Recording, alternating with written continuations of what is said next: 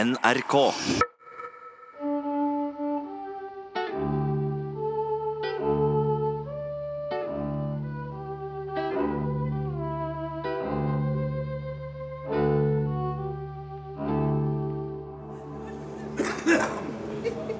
Når slutter den franske revolusjonen? Ifølge den britiske forfatteren Arthur Young i juni 1789, før stormen på Bastien. Hele greia virker ferdig, og revolusjonen avslutta, skrev han i et brev fra Paris.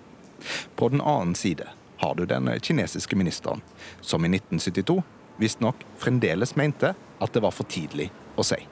Men det er nok bare en myte.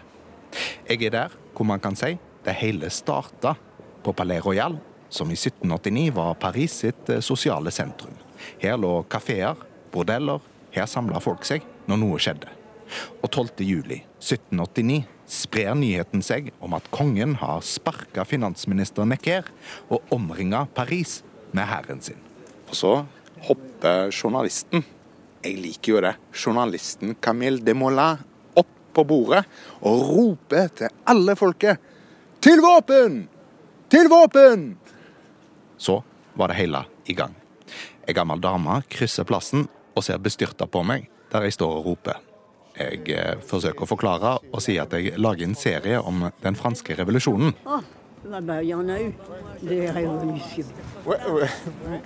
Da. vi har hatt revolusjoner, sier hun. Og det er jo sant. Både i 1830, 32 og 1848. Et puis ça continue. Og det bare fortsetter, sier hun. Et c'est encore pareil. Bah oui, en Syrie, en, en Syria, Libye, Irak. Bah, tous ces pays-là. Ah bah voilà, ça continue. Og det er jo sant. Fremdeles reiser folk seg mot undertrykkelse. Fransken min er ikke god nok til å diskutere om vi lever i en evig revolusjon. Men den franske revolusjonen, den vi snakker om nå, ble i alle fall erklært for over i 1799, fem år etter Robespierres fall. Etter et eh, vellykka statskupp som fort kunne endt med fiasko. Det her kan ikke fortsette lenger. Frankrike trenger et nytt styre. Ja, du snakker om Ja, statskupp. Vi ser ingen annen utvei. Men vi trenger en sterk mann i front. Et sverd.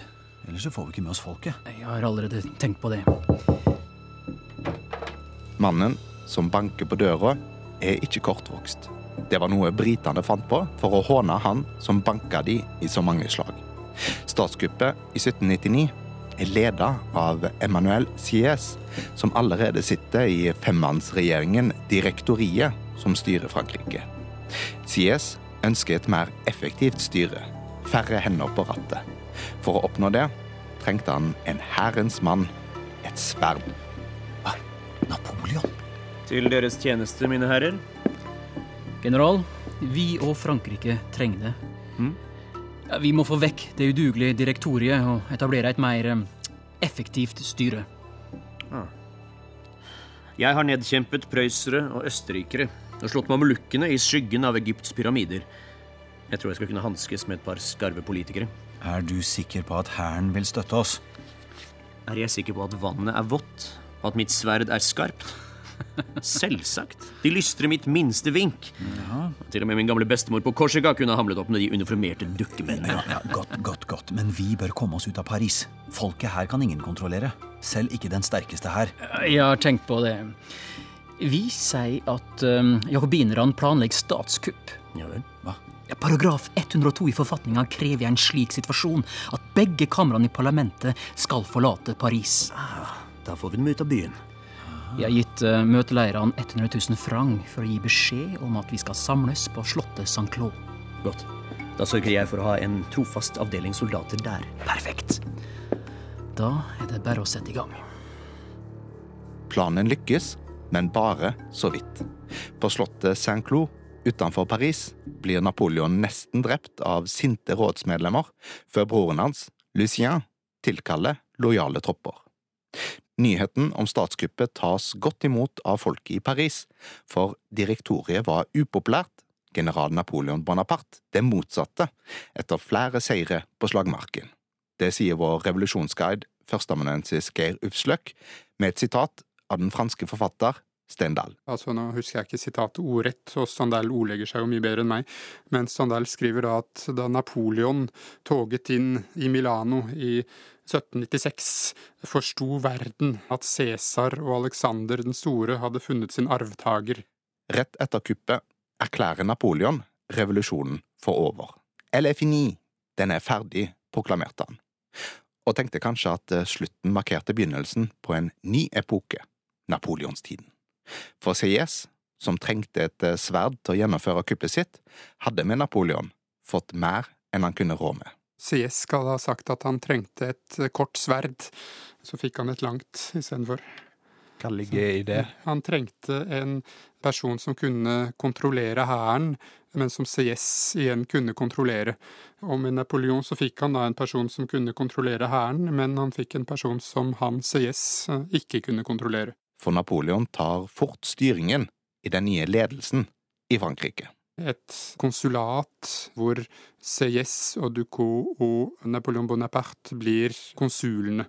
Og Napoleon Bonaparte blir da første konsul. Bonjour. Une bière, s'il vous plaît? Merci. Napoleon er på ingen måte kjent som en lastefull mann som vanker mye på bar, sånn som journalister gjerne gjør. Snarere tvert imot. Men det må være lov til å tro at han etter det vellykka statskuppet, etter å ha erklært revolusjonen for over, at han da bare var et eh, menneske, som jeg er, og tok seg en liten rangel. Sammen med broren sin Lucien, som før kuppet faktisk hadde en høyere stilling enn Napoleon. Hvem hadde trodd at storebror skulle ende opp i slottet i, i Luxemburghagen? Det hadde du ikke trodd da bestemor satt deg til å plukke høne hjemme på Korset. du, der sier du noe. Jeg må få dem til å lage høne her på kjøkkenet. du, du ser, se her.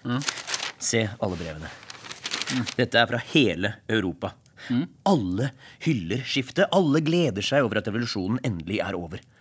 Til og med tsar Paul skal være en hengiven beundrer av Napoleon. Her ser du Europas redningsmann, bror. Ah, du, så, så, så, så. Altså, hele jobben gjorde du ikke sjæl. Jo, det vil jeg da mene. Ja, ja, altså, Troppene til Murat, eh, hvem tilkalte dem? Å, ja, det var vel lillebror, det, da. Ja, jo, den skal du ha. De kom i grevens tid, de gjorde det. Så der hadde du flaks. Flaks. Hva med da jeg stoppa blødningen din etter det der skandaløse møtet ja, det, det der er de eldres råd. Nei, nei, nei, hør på meg. Det hadde nesten sluttet å blø. Det var bare noen små skrammer, det. Ja, ja, du, du var store rifter, bror. Altså, Skjorta di var jo gjennomvåt av blod. Ja vel, men var det ikke noe med at en eller annen reddet deg fra arresten da de tok kroppsbegjær? Hvem var det som fikk deg ut av det fengselet? Jo, det var uh, Det var deg, det, bror. var det? Ja, ja, ja. La oss si at vi er skuls, da. Mm.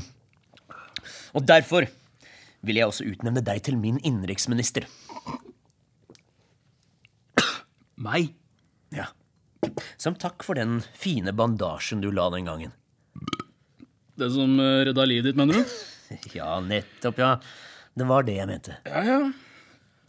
Ja. Det vil være en sann ære, bror. Alle som har stått last og brast med meg, skal være med videre. Og det er ikke familie og stand som skal forme det nye Frankrike. Det er hver enkelts evner og lojalitet som teller. Og det er sånn det skal være. Ja. Napoleon Bonaparte er født på Korsika, og da han kom til Frankrike for å gå på skole, snakka han dårlig fransk. Men han utmerka seg fort og demonstrerer sine taktiske evner i en snøballkamp hans lag gikk seirende ut av. Napoleon ville hatt små muligheter til militærkarriere under det gamle regimet. Høyere offiserstillinger var forbeholdt de med titler og penger. Men revolusjonen gjorde slutt på de gamle privilegiene. Nå kunne den flinke stige i gradene, og Napoleon viste snart at han var en militær begavelse. Han trodde på revolusjonens idealer og var glad for de endringene den brakte med seg, men samtidig var han en tilhenger av lov og orden. Makten måtte samles på noen få, dyktige hender. Som vi hører, var han sterkt knytta til broren sin, Lucien, og Napoleon var ikke mer revolusjonær enn at han ga viktige posisjoner til slekt og venner. Han favoriserte absolutt familien sin.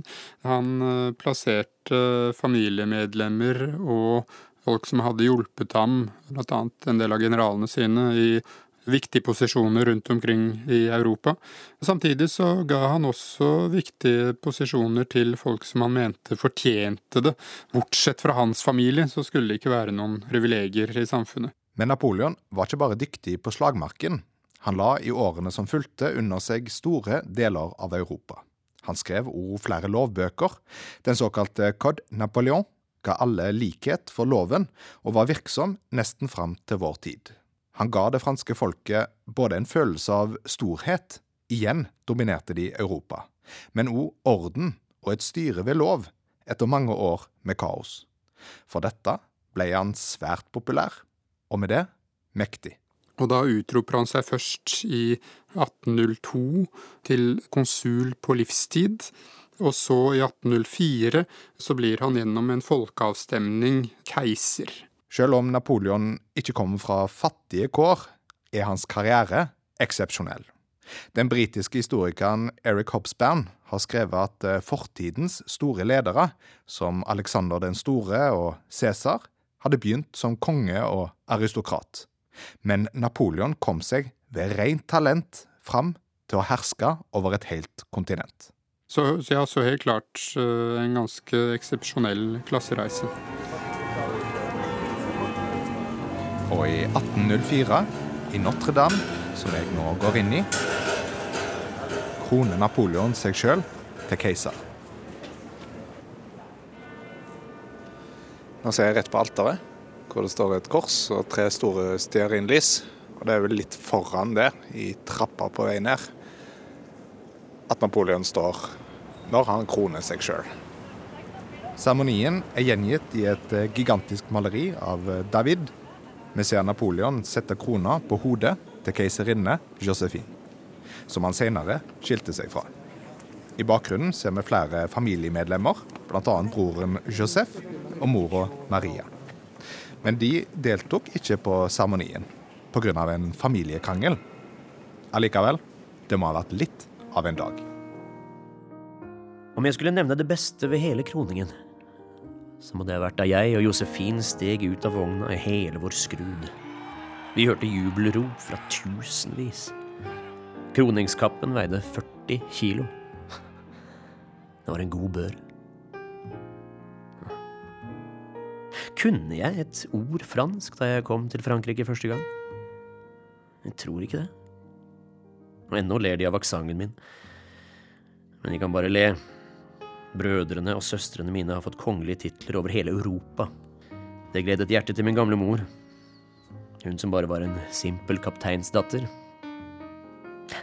Men å nekte å bli med på kroningen, ja, det skulle hun.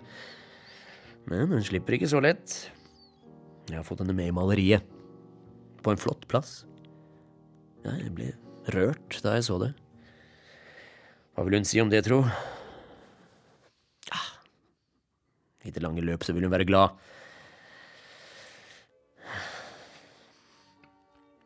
Kroningen er starten på en ny æra.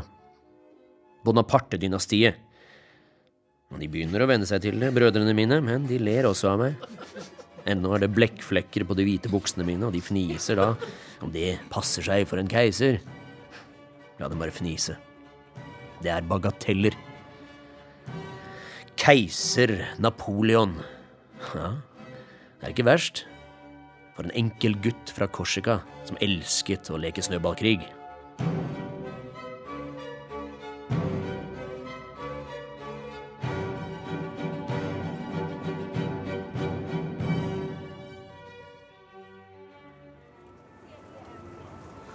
Det er ganske ko-ko å tenke på at uh, i 1804, når Napoleon kroner seg sjøl til keiser her i Notre-Dame, så er det gått 15 år siden uh, revolusjonen starta. 15 år siden uh, vår mann i første episode, Jean-Baptiste Humbert, klatra opp på toppen av Bastien og starta den revolusjonen som skulle ta livet av kongen og sette folket ved makten og krone Napoleon som keiser.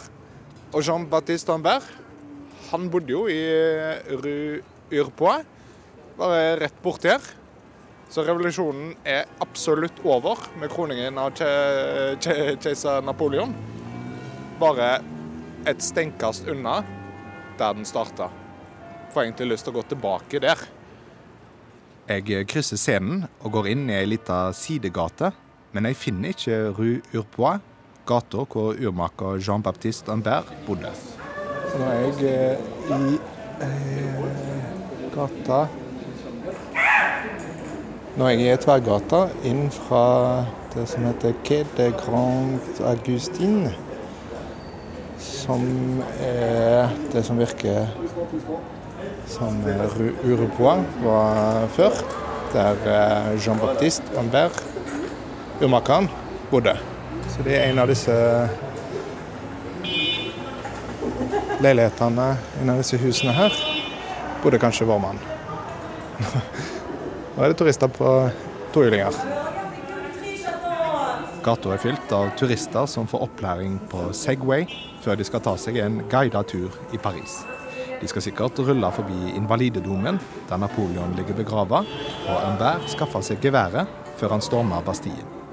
Kanskje ruller de over Place de la Concorde, hvor Marie Antoinette, Charlotte Corday og Robespierre ble giljotinert. Og så ender de ved Hotell de Ville, rådhuset hvor Loison Chabris og kvinnetoget starta marsjen sin fra. Min marsj gjennom revolusjonen er ved veis ende.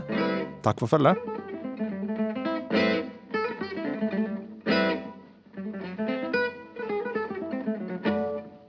I revolusjonen Det er meg har du hørt. Glenn André Kåda som Jean-Baptiste Humbert. Silje Storstein som Loison Chabris. Charlotte Frogner som Marie Antoinette. Selome Emnetu som Charlotte Corday. Jan Martin Johnsen som Robespierre. Torgny Anderå som Napoleon. Ellers medvirka Marianne Holter og Peder Oppstad. Lyddesigner var Hilde Rolfsnes, og manus var skrevet av Kristin Auestad Danielsen og meg, Jostein Gjertsen.